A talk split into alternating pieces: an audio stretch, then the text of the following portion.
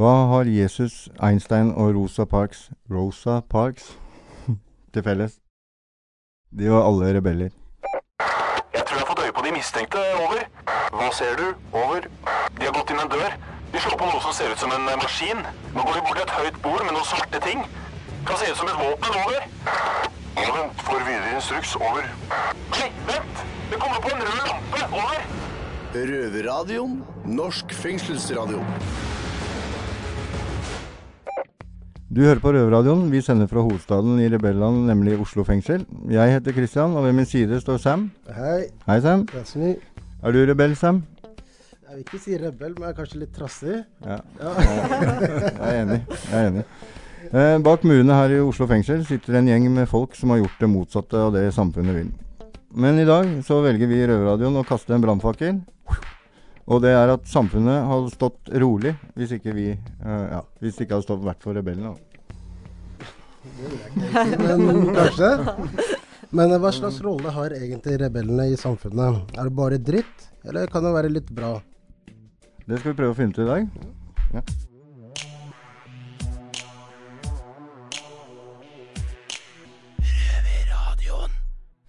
Eh, For å finne ut av det, så holder vi ikke bare med. Eh, Så vi har bedt historiker Malene Ferrell.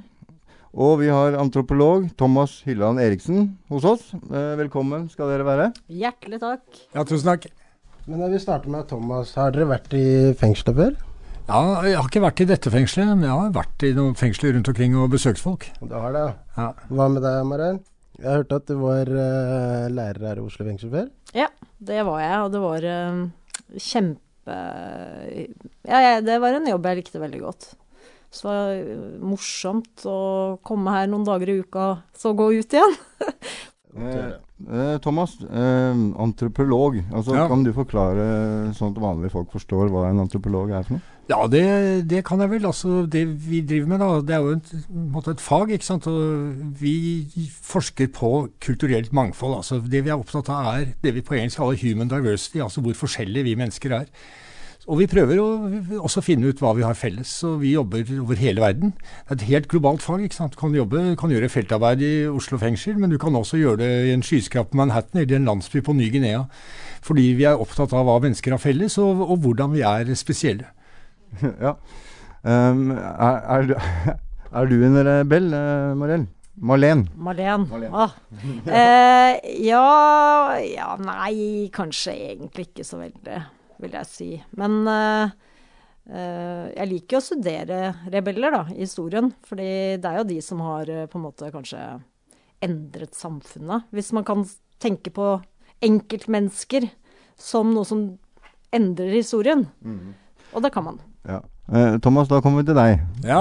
Ser du på deg selv som en rebell? Ja, altså, Jeg liker jo å se på meg selv som en rebell, og jeg kan jo si at eh, jeg har eh, gjort rampete ting i min ungdom i likhet med mange andre. Jeg kan bare nevne én ting. altså Sammen med en kompis så drev vi og sprayet en masse graffiti rundt omkring i Tønsberg, da vi har vokste opp, natt til 1. mai et år. Og ble taua inn av politiet og, og bøtelagt og fikk litt problemer. Og på 80-tallet var jeg mye, tilbrakte jeg veldig mye av tiden i Hjelms gate 3, altså laget Gateavisa, som jo var en sånn rebelsk avis. Vi var jo opptatt av fangepolitikk, blant annet. Og vi var et rebelsk organ. altså Vi ville liksom tale makten midt imot og, og, og si ting som ingen andre våget å si. Så øh, om jeg har fortsatt med det senere, kan det være et annet spørsmål. Nå lever jeg kanskje litt mer i et sånn kjedelig småborgerlig liv, da, men øh, det, nei, inni meg så føler jeg meg som en rebell fremdeles. Ja. Eh, det er litt morsomt, da, fordi jeg har lest litt om det. Og der er det jo eh, Jeg har lest at du som militærnekter havna da på det forlagshuset du Ja, snakka om. ja, ja, ja. Hmm. Ja, det er ikke noe Fremskrittsparti der i hvert fall. Nei. Men eh, skal vi se, før vi setter i gang praten, da, så tror jeg vi skal sette over til vår røde kollega Tina i Bredtvet kvinnefengsel. Og så skal vi høre hvordan hun ser på rebeller. Hva er en rebell? Skurk eller helt? Jeg har forsøkt å skrive ned noen ord om rebellen, men før jeg kan tenke på hva ordet betyr i en litt større kontekst, må jeg definere overfor meg sjøl hva ordet rebell egentlig innebærer. Jeg har sett på en hel haug med definisjoner og kommet fram til følgende. En rebell er et menneske som våger å følge sin egen overbevisning og stå opp mot overmakt og autoriteter til tross for store personlige konsekvenser. Så ifølge min definisjon av rebellen, så er han ikke så mye James Dean som eh, Mahatma Gandhi. En som kjemper hele livet, ofte uglesett av det etablerte, men som etter sin død eller på slutten av livet får heltestatus. Rosa Parks, som trosset rasebarrieren og satte seg i den hvite seksjonen av bussen. Suffragetten i England, som risikerte liv, helse og fengselsstraff for å få de rettighetene vi kvinner tar for gitt i dag. Alt dette endra vår verdensoppfatning, men ikke glem at det var én dame som var den første kvinnen til å ha på seg bukser også. Verden går altså videre, men den går ikke videre av seg selv. Vi trenger rebeller som pådrivere for fornyelse og forandring. Da jeg satt fengsla i Sverige, hadde avdelingen jeg satt på forferdelige soningsforhold. Jeg var en av pådriverne til en streik som resulterte i varige endringer. Selv om den personlige kostnaden for meg var tre måneder isolat i kjelleren, så syns jeg det var verdt det. Jeg og mange med meg fikk nyte godt av de endringene vi skapte. I kriminalvårdens øyne var jeg og mine handlinger skurkaktig, uønska og noe som måtte straffes, men mine medfanger så det derimot ikke sånn. Det å gjøre noe rebelsk handler om å stå opp for det man mener er moralsk riktig. Det kan være stort, det kan være lite, men det får som oftest store personlige konsekvenser. Det å straffe rebellen er nemlig en tradisjon like gammel som selve samfunnet. Så da vil jeg avslutte med et sitat fra John F. Kennedy, noe som egentlig handla om eh, romkappløpet, men som jeg syns beskriver rebellen godt. Vi gjør det ikke fordi det er lett, men fordi det er riktig. Eh, ja, det var Tina som sitter på Bredtvet kvinnefengsel. Uh, hva tenker dere? Er dere enig i definisjonen hennes? Ja Det handler for meg egentlig om å Altså, det er lett å tro man er et godt menneske, men ofte når det koster noe, det er da man skjønner hvorvidt man gjør et godt valg eller ikke. Så det handler veldig også om etikk, egentlig. At man en, handler ut ifra en sånn rettferdighetstankegang eller den slags, da. Så Tina er en ekte rebell, ord. Hva mener du? Ja, det høres sånn ut. Ja, jeg, jeg er for så vidt enig, enig, i det. Altså, men du kan si at det, det, er kanskje to, i hvert fall minst to måter å være rebelsk på. Da. Det ene er at du opplever at det er veldig mye urettferdighet rundt deg. ikke sant? Og det, dette vil du ikke finne deg i, og da gjør du opprør, selv om det kanskje kan koste deg både liv og helse. og osv. Altså, de som var mot uh, apartheid i Sør-Afrika f.eks., noen av dem de havnet jo i fengsel, de ble torturert, ikke sant? og noen ble drept, som Steve Biko. Og det var jo ikke fordi de selv nødvendigvis uh, hadde det så fælt, men det var fordi systemet var urettferdig. Og så er det rebellene som bare vil ha frihet, altså. Som, mm. sant, som, vil ha personlig frihet. Og det er ikke noe gærent i det heller, det er bare at det er en annen måte å være rebelsk på. Mm. Mm. Hvem er deres rebelske forbilder? Du kan starte med her. Åh, jeg vet ikke. Nå spør du utrolig vanskelig. Uh, jeg har alltid hatt litt sansen for den franske revolusjonen, egentlig. Jeg liker liksom uh, ja, det derre Også det er litt sånn åh, de der sanskulottene som var disse som ikke var så fine. Det var på en mm. måte bermen. mm. For sanskulott er uten knebukser, så det var de som brukte langbukser. Og de, ja, de kjempa jo eh, for eh, ganske mye. Eh, og de var mange. Så jeg tenker mm. også noe med det der å, å bare kjøre på. Ja. Mm. Hva med, hva med ja. deg, Thomas? Ja, jeg kunne sikkert nevnt mange, mange ja, men altså, siden jeg liksom driver med forskning og vitenskap, så er det i hvert fall én jeg har lyst til å nevne, og det er Galileo Galilei, som, eh, som fikk kjempeproblemer med kirken mm. da han sa at uh, jorden var rund og, og gikk i bane rundt solen. Og det var en rebelsk ting å gjøre. det var en farlig. Han visste at det var personlig risiko, men han følte at liksom, sannheten måtte gå foran. Da. Og en annen, for å komme litt nærmere vår tid, som åpenbart er en rebell som uh, som kanskje kommer til å skape store forandringer, det er Greta Thunberg. Yep. Altså, Hun unge jenta i Sverige som begynte alene, og litt rar, ikke sant, litt nerdete, satt foran svenske riksdagen og skolestreiket på egen hånd i flere måneder. Og så har det blitt en snøball som har begynt å rulle, og nå er det hundretusener av ungdommer. Det som er kult, syns jeg, med Greta Thunberg og alt det der, og det, det er egentlig at i skolen altså Vi har jo alle politikerne som gir en klapp. 'Ja, det er så bra med bærekraft', og bla, bla, bla. Og hun bare kjører, hun gjennomskuer liksom mm. det derre der løgnen. Og mm. elevene også. De går ut av skolen, og det syns jeg var kult, egentlig. At, at de ikke fikk fri. Mm. At de, måtte, de måtte faktisk bryte mot noe etablert for å vise at de tar dette på, alv eh, på alvor, da. Mm, og For at du skal være en eh, skikkelig rebell, da, Ja. eh, så, så må, du, må du, du må sette noe på spill. Da, som er noe som står på spill for deg. ikke sant? Du må ta noen sjanser. Og si at eh, Hvis jeg skulle si noe, da Hun kunne hatt litt mer humor, OK? Men, eh, det er kanskje ikke hennes jobb, men, eh, men hun er en tøffing. Miljøet er ja, er ikke morsomt, vet du. Men eh, hun er kanskje den svenske utgaven av Bellona-Hauge. Bare litt yngre. I sin versjon. ungdom så holdt jo han på, og han var ganske rebelsk på både den ene og den andre måten. Ja. Mange tenker på sinte og voldelige folkemengder når de hører om rebeller. Er dere enig i det? Mm, ja og nei. Altså, jeg tenker rebeller kan være så mangt. Eh, det kan være sanskulotter under den franske revolusjon som kunne være ganske brutale. Eh, men det kan også være sexy rockestjerner på 60- og 70-tallet. Ja, ja. Altså, jeg, jeg- skjønner jo det at eh, de er sinte folk og derfor farlige, men eh, hvis du trenger en systemforandring, så må du ha noen sånne sinte, farlige folk. Og i ettertid så vil man kanskje si at det de gjorde var helt nødvendig. Og da blir det en sånn destabilisert, litt uheldig, ubehagelig situasjon, og det kan liksom eh, bli kastet på det ene og det andre, kanskje i begge retninger. Men når, men når støvet har lagt seg og man har kommet videre, så ser man at det var faktisk nødvendig med denne typen aksjonsform for å komme videre. Så eh, i, øyeblikket så er det klart at etablissementet, politiske eliter, økonomiske eliter, de er, de er mot rebeller. De vil ha business as usual. Men hvis man vil ha en forandring, så må man av og til fleske til. Men det skumle, hvis jeg kan si noe, da, det er jo rebeller som blir det etablerte. Ja. Ikke sant? Det, er- der ligger også, for det har vi også sett i historien, f.eks. den franske revolusjon som endte opp med liksom skrekkveldet, hvor 40 000 eh, folk ble eh, henretta med giljotin osv. Så, videre. så, det, så det, er jo, det er jo noe litt sånn skummelt der òg. Eh, har, har rebellene forandra seg? Jeg spør dere begge to, jeg, egentlig. Ja, altså du kan si at eh, på, altså Jeg er litt for ung til å ha opplevd det, egentlig, men altså hippietiden, altså 60-tallet, ungdomsopprøret på 60-tallet, og den på en måte kulturrevolusjonen vi fikk da, med p-pillen og ny musikk og nye rusmidler, og alt var på en måte mulig, da trodde man jo faktisk at man kunne forandre hele verden. Altså Alt virket som det var mulig på 60- og 70-tallet. Og så dabbet dette veldig av. Og så kom 80-tallet, og det var jappetid, og det var litt mer sånn eh, konformt, og vi hadde høyrebølge over hele verden.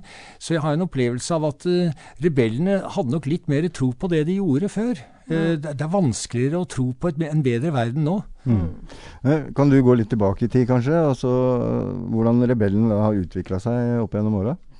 Nå spør du fryktelig vanskelig her. eh, jeg greier liksom ikke å se noe sånn Oi, det har vært en sånn utvikling. Men altså eh, Den klassiske rebellen må jo egentlig være Jesus, på et vis. Det er veldig omdiskutert eh, egentlig hvem han var. Hvor han ble han oppfattet som en politisk opprører, osv. Eh, men det er nok det at øvrigheta tradisjonelt sett, da har jo vært vanskeligere å protestere mot før. Det var jo liksom eh, Går vi tilbake til 1600-tallet, så er det jo ganske gufne henrettelsesmetoder folk blir utsatt for. Altså, det er på en måte Omkostningene er jo tross alt eh, mindre, i hvert fall i det vestlige samfunnet. Kanskje ikke et verdensperspektiv i dag, men det, det er jo på en måte Du blir ikke stekt levende. Eh, så vidt jeg vet. Eh, eh, Malene, eh, eh, da Jesus levde, mm. hvordan ble han sett på i, i samfunnet som han levde i på den tiden? Ja, nå har vi jo liksom eh, eh, testamentet som kilde. Den fremste kilden. Eh, og det er egentlig ganske omdiskutert. Eh, men eh, veldig mye tyder på at han ble ansett eh, Altså, eh, romerne eh, mente at han var en opprører. Og det er fordi han, han ble henrettet ved å bli naglet til korset. Og det var den typiske opp, altså måten de slo ned mm. opprørere på. Så eh, ja, selv henrettelsesmetoden tyder jo på at han ble ansett som en, eh, som en opprører. Eh, og eh, veldig mange av de tidlige kristne ble jo oppfattet som opprørere mot hvem? Jo, mot keisermakten i Roma. Eh, sånn at det var jo, De ble oppfattet som politiske opprørere. Eh, nettopp fordi de eh, ikke ville eh, ære andre enn eh, big man himself, altså Gud. Eh, så det ble ansett som en sånn ja, rett og slett majestetsfornærmelse, kan vi si. Og, dag, og det er jo en del av historien som er helt borte, på mange måter. Eh, Jødene fikk jo skylda.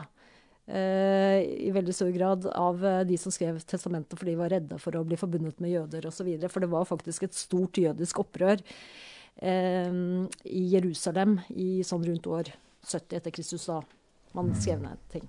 Så han var kanskje egentlig mer opprører enn det man har tenkt. Men det som skjedde da, sant, så ble kristendommen statsreligion på 300-tallet. Og da var det sånn at alt det som skjedde før, det bare la man bak seg og glemte. Og nå var det, på en måte, det var der makta var. Og så kom pave, og, og, og så ble på en måte kristendommen den store på en måte kvelende makt i Europa i nesten 2000 år.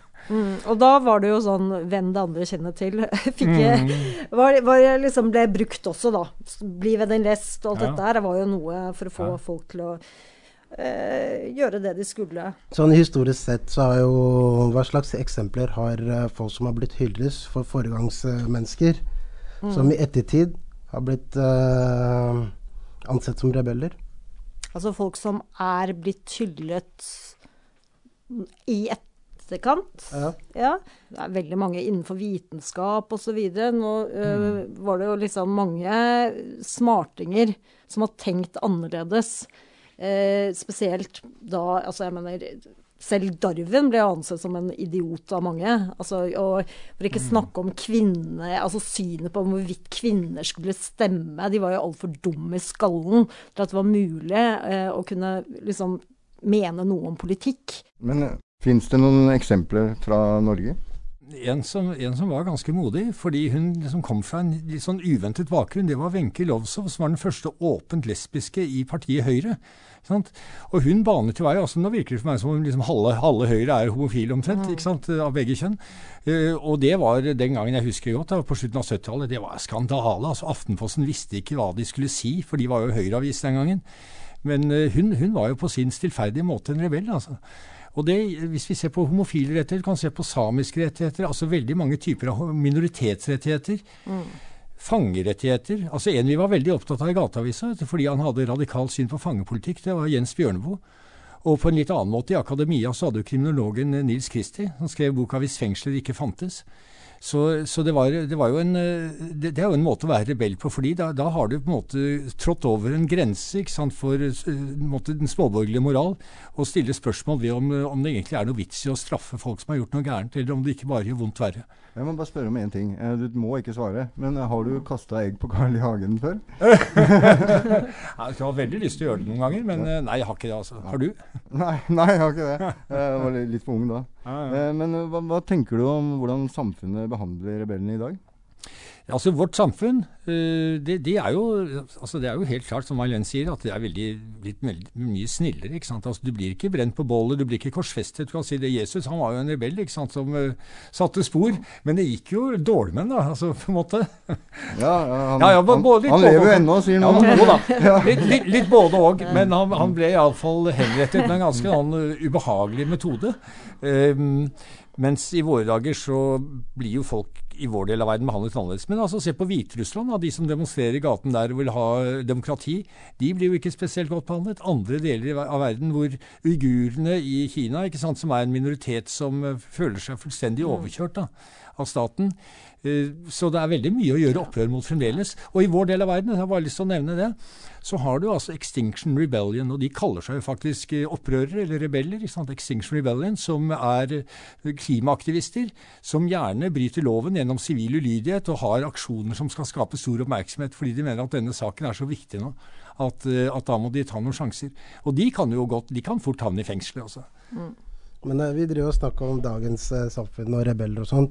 Da er det noe vi har sittet og diskutert litt grann om. Sånn som eh, Charter-Svein eller eh, bloggere. Hvordan anser dere de der som Er det rebeller, da? Nei, altså De fleste av dem er vel liksom skjødehunder og puskatter, altså, sånn som jeg ser det. Log, log, log, logrende skjødehunder eh, i det store og hele, så bare vil ha oppmerksomhet og, og gjøre seg selv kjente uten egentlig å kunne noe. Men eh, det er mulig at jeg bare er fordomsfull. Men det er slik det ser ut fra min eh, posisjon da, fra universitetet. Svein har Ja, ja, jo, og så tenker jeg på en måte at uh, vi har jo Altså Det er akkurat som om veldig mye er blitt ufarliggjort av disse markedskreftene og forbruk og liksom eh, Akkurat som det er eh, Vi er blitt litt sånn uh, hjernevaska på et vis. Vi er mer opptatt av å få oss en fin eh, klokke eller eh, et eller annet i den duren, framfor å mene noe viktig da, om verden. Ja, og man blir kjøpt opp, Opprøret blir kjøpt opp. Punken ble jo, den var jo egentlig kjøpt opp allerede før den startet. Altså, det var en luring som het Malcolm McLaren som tenkte at dette kunne han tjene mye penger på. For nå var det liksom en nisje da, som man kunne fylle med en ny ungdomskultur. Som var sånn og slik, og hvor man spyttet i ølglass og gikk med sikkerhetsnåler gjennom kinnet. Og, og laget uh, dårlig musikk med aldri mer enn tre akkorder. og, eh, og jeg tenker på, altså, Ti år før så var det jo, da var jo veldig mange musikere ikke sant, de var radikale da. Og de skulle ha revolusjon, og de skulle sånn og slik. John Lennon og alle sammen. Og da hadde CBS, altså største plateselskapet i verden den gangen, hadde en helsidesannonse i Rolling Stone hvor det sto 'All the revolutionaries are on CBS'. Og da har du solgt opprøret, vet du. Og Svein har vel solgt seg nå til Vitapro, er det det heter? Blitt en stabil mann. Det virker som det funka i hvert fall. Men jeg blir nysgjerrig eh, på dere. Er det noen rebeller liksom, her, i, her i Oslo fengsel som uh, tar tak i ting og uh, Det må da være mye dere på en måte syns er vanskelig her, som dere tenker eh, kunne endres til det bedre? Spør jeg vra- vanskelig? Litt. Litt vanskelig, men eh, det er, selvfølgelig så er det alltid noe man kan forandre, men det er ikke så veldig mye vi får gjort. Men dere har ikke noen sånne organer eller noe sånn at dere har tillitsfolk og Eller jeg vet ikke. Ikke i Oslo fengsel. Men det er vanlig i fengsel. Ja, Og så er det ikke det her? Nei. Det er dårlig Oslo fengsel. Ja. Det. Ja, ja. Det eneste vi har å formidle, er jo her Røverradioen. Ja. Så hvis vi vil snakke med folk på utsiden, så bruker vi selvfølgelig radioen her. Ja, det er bra. Men altså, jeg kom på, jeg kom på en annen type rebell jeg, som, eh, som jeg var litt opptatt av. Han har selvfølgelig glemt hva han het. Men altså, det var en fyr på Vestlandet, han var ganske kristen. Og han hadde da ansatt flyktninger ikke sant, eh, i sitt lille firma ulovlig. Fordi han mente at de måtte få lov til å jobbe. Og det vil jeg kalle en rebell, altså. En form for sivil ulydighet. Hvor, og det, og det, er, det svarer til liksom alle mine kriterier på en god rebell. Fordi han lar sin personlige moral, som han er overbevist om, uh, han lar den overtrumfe ikke sant, staten og lovverket osv. Fordi det er så åpenbart at det er urettferdig at de ikke kunne jobbe. Ja, og det var vel også han biskopen som hadde hun ja. Ja, jeg skulle til å si det. Ja, ja. du tenkte på han du Ja, òg? ja, om Oslo. Ja, Gamle, det- ja, gamle Stålsett. Ja, da tenkte jeg det står det litt respekt av. Å å stå fram og si ja, ja, dere får bare gi meg en bot eller kaste meg i fengsel. Eh, men jeg gjør det som er riktig. Ja. Det gjorde vel egentlig at den fikk litt heltestatus for det òg. Ja, ja. Ja. For en del folk, men det var kontroversielt. Det var sikkert folk som syntes dette var ekstremt problematisk også, så han visste jo at han ville skaffe seg noen fiender på den måten. Derfor var det modig gjort. Men jeg tenker jo, tror du det hjelper med den straffen de får i ettertid? Gjør det den, Får det, det heltestatus av den straffen du får i ettertid? Altså, martyrdom er jo eh, Jeg har jo eh, gjort mange til større helter enn de kanskje Men jeg tenker f.eks. ja. la, oss- la oss si f.eks. Mandela. da. ja. Hadde han blitt kjent utenfor uh, Sør-Afrika hvis det ikke hadde vært for at han har sona dommen sin? Den Nei, straffen? Han hadde nok vært kjent, men ikke på den måten. Altså Mandela han fremstår jo også nå i ettertid nærmest som en helgen, ikke sant. Fordi han eh, kom ut av fengselet etter å ha sittet på Robben Island altså i år ut og år inn. Og var likevel åpen, ville ha dialog, ville få til et kompromiss. ikke sant? Han hadde ikke noe av den der bitterheten og hatet som du kunne forvente. Så han, han er jo på en måte en imponerende person. Men han, hadde nok, han hadde nok vært kjent, men ikke på den samme måten. Ja, jeg, nei, jeg bare tenker Jeg har jo faktisk vært i det fengselet og sett hvor han var. Eh, og sett på en måte jævlig Hvor jævlig det var med egne øyne. Og jeg tenker jo det å klare å komme ut av det der uten å hate alt, det, det står det respekt av. Så det er, vel, det er vel det at han greide å tro på noe godt, da, tross alt. Og det er jo beundringsverdig. Og det gjør han kanskje mer verdt å beundre enn mye annet. For det er mange som opplever sånne ting, da, som ikke kommer ut av det. Som gode mennesker, da. Men, men tror du da lengden på straff og, og hvordan straff man får som en rebell, har noe å si på hvor stor man blir sett på i ettertid? Altså hvis, hvis straffen oppleves som veldig urettferdig av øh, folk der ute, altfor lang eller feil eller noe sånt noe, så kan man bli helt. Men jeg tror det er alltid sånn følelse altså Spørsmålet er jo er, dette, er dette rettferdig? Er det for mye? ikke sant? Altså Er det for lenge? Er det feil? Alt mulig sånt. Eh, den type spørsmål eh, melder seg jo. Ja. Men, Også, eh, også for folk som er innsatt, vil jeg tro. Finnes det noen nasjoner som er grunnlagt av rebeller? Helt klart, altså de aller fleste. Så Jeg satt akkurat og leste en bok om José Rizal, som var en stor filippinsk frigjøringshelt som ble henrettet av uh, spanske myndigheter på Filippinene da han var rundt 30 år. Uh, og han er det statuer av nå rundt omkring på hele Filippinene. Og grunnen til at han ble henrettet, var jo at han ville at Filippinene skulle bli et selvstendig land. Så hvis du går gjennom måte, hele Afrika og Latin-Amerika og store deler av Asia, så vil du finne at det var opprørere, og det var folk som da ble satt i fengsel, de ble torturert, de måtte reise i eksil, de kom tilbake, og de var liksom folkefiende nummer én. Og så endte de opp altså som landsfedre ikke sant, på sokkel eh, når landet endelig ble selvstendig. Så det er et kjempegodt spørsmål, og jeg tror det er helt riktig. Ja, jeg tenker jo egentlig eh, altså, at selv Norge kan man jo Det var noen karer, liksom, som eh, fant ut at vi vil ha vår egen grunnlov. Og som faktisk altså, tenkte nytt, da. Eh, og ikke Ja, så jeg tror det handler eh, Altså, du finner rebeller veldig mange steder rundt omkring i verden hvor det, samfunnet har endret seg. men har synet på rebeller forandra seg? Ja, det tror jeg veldig. Eh, På hvilken måte? På hvilken måte? Jo, at rent historisk så har det på en måte vært eh, slik at du skal eh, være ydmyk, bli ved din lest, høre på øvrigheten, eh, ikke sant? Alt dette her. Eh, og det går jo egentlig, jeg tror, fram til moderne tid. Eh, sånn sett så kan vi tenke egentlig at eh, ungdomsopprøret var viktig. En del bevegelse på 1800-tallet. Altså det, det med å ikke finne seg i at øvrigheta forteller deg hva du skal gjøre, og at det er sant, hva som er sant og hva som ikke er sant, at det er eh, ut ifra øynene som ser. Sånn sett så har vi jo liksom forandret oss ganske mye som samfunn, tenker jeg. Ja. Men, Men det er også en grunn til at det er litt vanskeligere å være rebell nå. Men det er noen områder du kan være det, f.eks. når det gjelder asylpolitikken. som vi snakket om. Det er jo at avstanden kan si, mellom folk og staten er mye kortere nå enn var før. men, men- men, men tror du at det er bra for samfunnet å ha rebeller? Ja da, vi må ha det. vet du. Altså, tenk deg hvor kjedelig det ville vært ellers. Så hadde vi alle blitt Nord-Korea. da. Altså, du er nødt til å ha, og Selv om du ikke er enig med dem, så er det folk som da setter i gang ting. ikke sant? Og Så kan du være for eller mot, men det skjer det iallfall nå. Og det er veldig viktig at vi tenker, at vi reflekterer over hvem vi er. Det er kjempeviktig.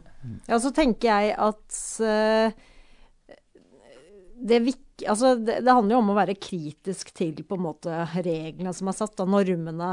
Uh, det, ikke sant? Men det handler også om å ha en tro på at man kan endre ting, og den tror jeg litt, dessverre blir litt borte i dag. Men eh, det, det innebærer jo på en måte en forpliktelse, da. Eh, ikke bare det å tenke æsj, nei, det er dumt. Og, eh, ikke sant? Jeg ønsker at flere skal få en sjanse i Norge, f.eks. med asylpolitikk, eller, men faktisk å handle. I det små eller i det store, men å tro at man faktisk kan endre samfunnet til det bedre, da. Så man må være litt naiv også, tenker jeg, et eller annet sted. Men eh, hva tenker dere om hvordan samfunnet møter rebellene i dag? Altså, veldig, veldig, Det er veldig mye likegyldighet. Altså, jeg tror det er, jeg tror det, er det, mest, mm. det, det farligste. At man ikke bryr seg, at man prøver å tie det i hjel. Altså, nå, nå er jeg litt opptatt av klima og miljø. Da når jeg vet at I Australia, hvor jeg har holdt på litt som antropolog de siste årene, så er det store demonstrasjoner i de store byene mot uh, Australias klimapolitikk, som er helt forferdelig. De eksporterer masse kull og jernmalm og saker og ting. Flyr og kjører bil hele tiden. Spiser biff hver dag. Eh, og de protesterer. Men det står ingenting om det i avisen. ikke sant? De får kanskje, hvis jeg er heldig, får de fem sekunder på en sånn lokal TV-kanal. Så de blir, man blir tiet i hjel. Eh, og det er noe av det verste. Jeg tror noe av det vanskeligste på å være rebell nå, det er nok ikke bare det at det er sånn der kvelende offentlighet hvor alle er litt enige, eller de er uenige om ufarlige ting, da. Men, eh, men det er også at folk flest i et land som Norge føler at de har det bra. ikke sant? Så hva skal de gjøre opprør mot? Eh, det, er, et- det er et Det er problem. et godt spørsmål. Ja. Men, men eh, har dere noen råd da, til oss som sitter i Oslo fengsel, som er litt rebeller? da? Ja, det var vel det med Mandela, da. Å greie å holde på det gode i seg.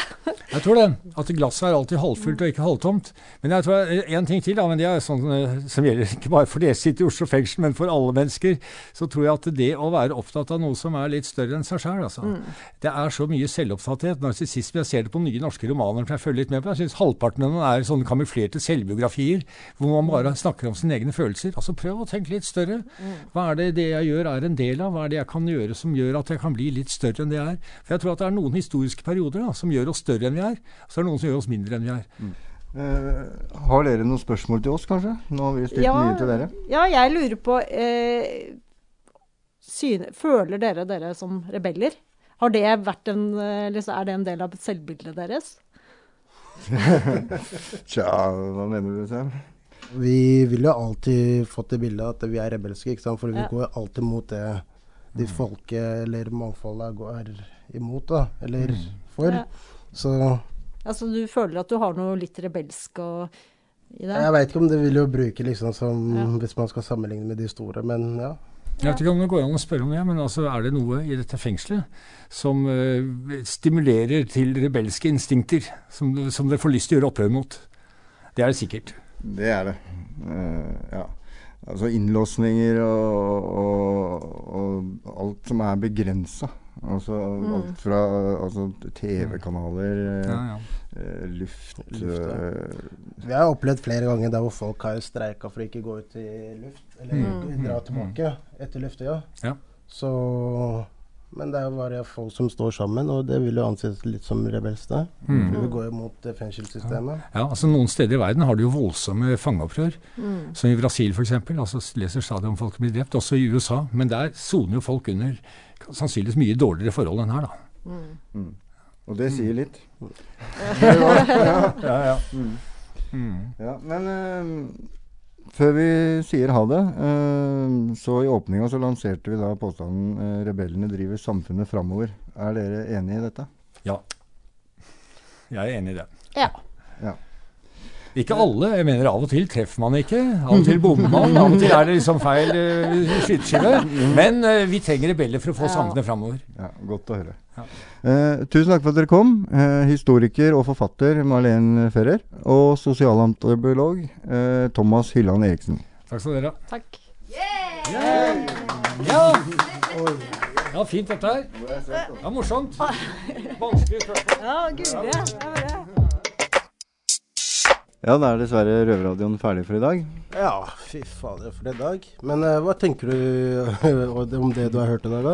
Mm, at jeg er veldig lite belest, i hvert fall. Det tror jeg. Hva faen er brest for folk der ute som ikke vet hva det er? Ja, nei, altså, De veit veldig mye, da. Disse Jeg føler det var litt lærerikt, da. Ja, det var det. Ikke sant? Ja, ja. Så vi er jo rebeller, Sam. Mm. Det er ikke til å stikke under stolen. Jeg er ikke rebelsk, jeg er trassig. Ja, ja, ja, ja, ja. Husk det. Ja, Der kom det fram igjen. Men det er så Jeg syns det var jævlig interessant det hun Marell Ferrer eh, sa. Marlen! Marlen Ferrer. Marlen, ja. Faen. Jeg har bomma på det der. Altså. Jeg får litt dårlig samvittighet eh, etter at hun har gått. Ja, ja, ja. Men uansett, men som jeg har sagt, at hun var jo besøkte det fengselet som Mandela var. Mm. Og det syns jeg var jævlig interessant. Mm. Mm. ja. Det var helt jævlig der, så. Ja. Mm. At, eh, at han kunne gå ut derifra med fri tanker og ikke være sur for samfunnet. Faen, jeg hadde faen meg vært terrorist hadde jeg gått ut derifra. Jeg er blitt bitter som faen. ikke sant? Men, men. Sånn er livet. Sånn er det. Jeg går videre. Det gjør det. Så, når er vi tilbake igjen, Sam? Har du hørt at vi har forandra bytta sendetider? Ja, stemmer det. Ja, så vi er tilbake neste uke. Og da kan du høre oss på P2 på søndagskveld halv ni. Mm. Eller hvis du vil, så kan du høre oss på podkasten når du vil og hvor du vil. Mm. For de som ikke sitter i fengsel som oss. Fordi vi er jævlig mye gode til det her, i hvert fall. Men da er det søndagene det går i. Ja, men du, vet du hva? Hva skal du etterpå i cella?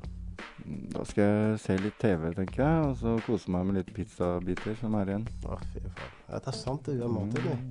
Nice, er digg. nice. Yes, nei, men da takker vi for oss. Fra Oslo fengsel, vi prates. Prates. Shalabai. Det har vært stille fra over en time. Hva skjer? Over. Det er bare et radioprogram. Det er lettere å høre på dem der. Over. Ja, vet du når det går da? Over. Det er samme tid og samme sted neste uke. Over.